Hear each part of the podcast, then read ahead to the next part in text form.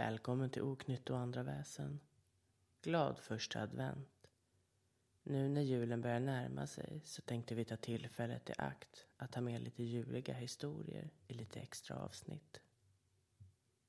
Så vi börjar den här advent med två historier.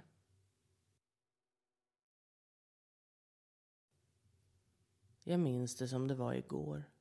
Året var 1979, den 3 december och vinterns kyla började smyga sig in i den lilla socknen Sorunda i Nynäshamn. Jag bodde med mina föräldrar i ett litet gult hus nära Tyrved och jag var det enda barnet. Jag var bara nio år gammal och jag hade ingen aning om vad som väntade mig den kvällen. Vi hade precis tänt det första ljuset i adventsljusstaken och stämningen var fylld av förväntan inför julen. Jag minns hur mamma och pappa berättade för mig om den gamla legenden om Krampus. En skrämmande varelse som kom till de olydiga barnen på julafton. Jag skrattade och trodde att det bara var en saga. Men det skulle visa sig vara så mycket mer. Den här kvällen var jag extra busig och jag hade bråkat med mina föräldrar under hela dagen.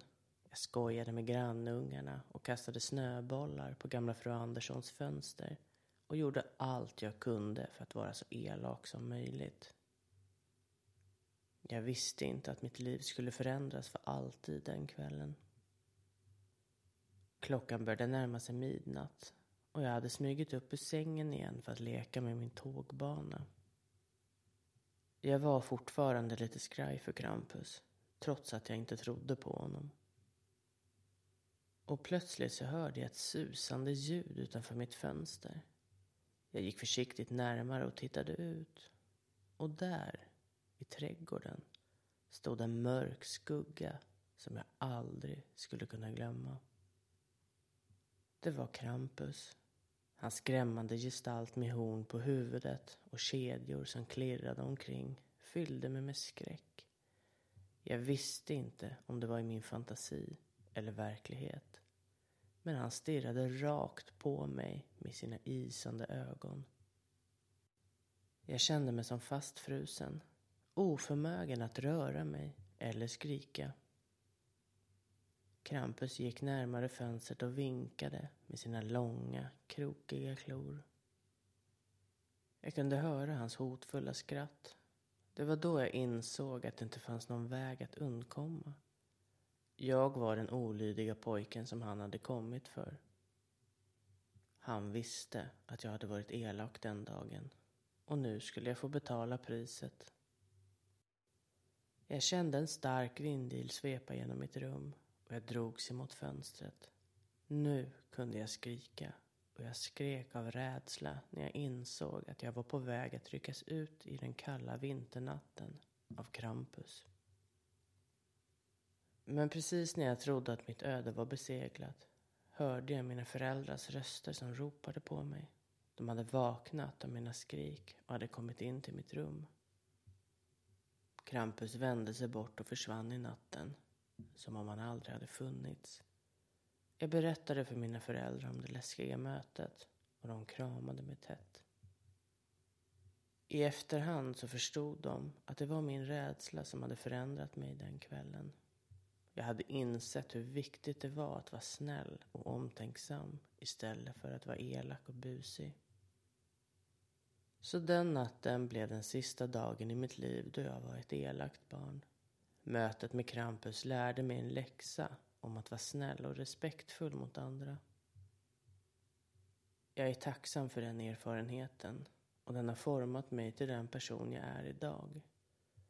Krampus påminner mig om att det är viktigt att sprida glädje och kärlek i världen.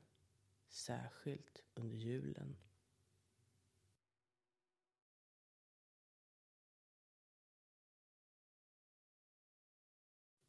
Vi hoppar direkt till nästa historia.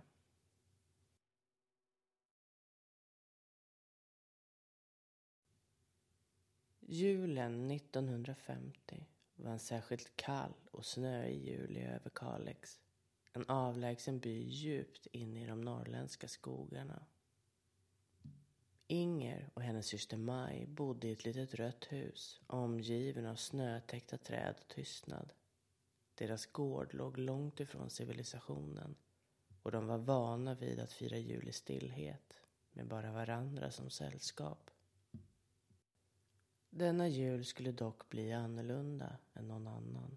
Ingers barnbarn Sofia satt vid brasan och lyssnade på hennes berättelse om den magiska händelsen som ägde rum för nästan 74 år sedan.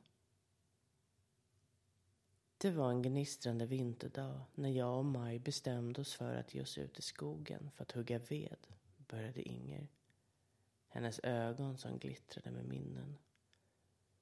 Vi kände oss modiga och starka och vi ville ge något extra till vårt lilla julfirande. Så vi plockade upp yxor och begav oss in i skogen, djupt in i det tätaste av träd och snö. Sofia satt tyst och lyssnade, fascinerad av hennes mormors berättelse. När vi var långt inne i skogen hörde vi plötsligt konstiga ljud. Det var som om någon viskade och skrattade samtidigt. Vi gick försiktigt mot ljudet och kom fram till en glänta. Och där, mitt i snön, satt tre små varelser som vi aldrig hade sett förut. Det var troll. Små snötäckta troll med glittrande ögon och långa skägg. De såg förvirrade ut. Inger fortsatte att berätta om hur hon och Maj närmade sig trollen försiktigt och erbjöd dem hjälp. Trollen hade kommit bort från sin vanliga boplats och irrat sig in i skogen. De hade ingen aning om hur de skulle komma tillbaka. Så vi bestämde oss för att guida dem tillbaka till deras hem, sa Inger. Vi vandrade i timmar genom snön, över isiga bäckar och genom tät skog. Trollen sjöng sånger och berättade historier. Det var en lång och besvärlig resa. Men till slut kom de fram till trollens hem. En gömd by i skogen. Och trollen var så tacksamma och glada att de erbjöd Inger och Maj gåvor som de hade samlat från skogen. Bär och växter som bara växte där. Inger och Maj kom tillbaka till gården på julafton med trollens gåvor och hjärtan fulla av förundran. Det var den mest minnesvärda julen de någonsin hade upplevt och det är en berättelse som har berättats varje jul sedan dess. Sofia satt tyst en stund, försjunken i tankar om den magiska julen 1950. Det var en berättelse som hade präglat deras familjs jultraditioner och givit dem en djup respekt för naturen och de mystiska krafter som kunde gömma sig i de djupa skogarna i Överkalix.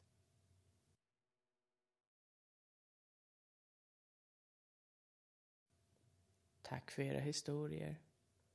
Med det sagt så säger vi hej då för den här gången. Glad advent på er. Tills nästa gång.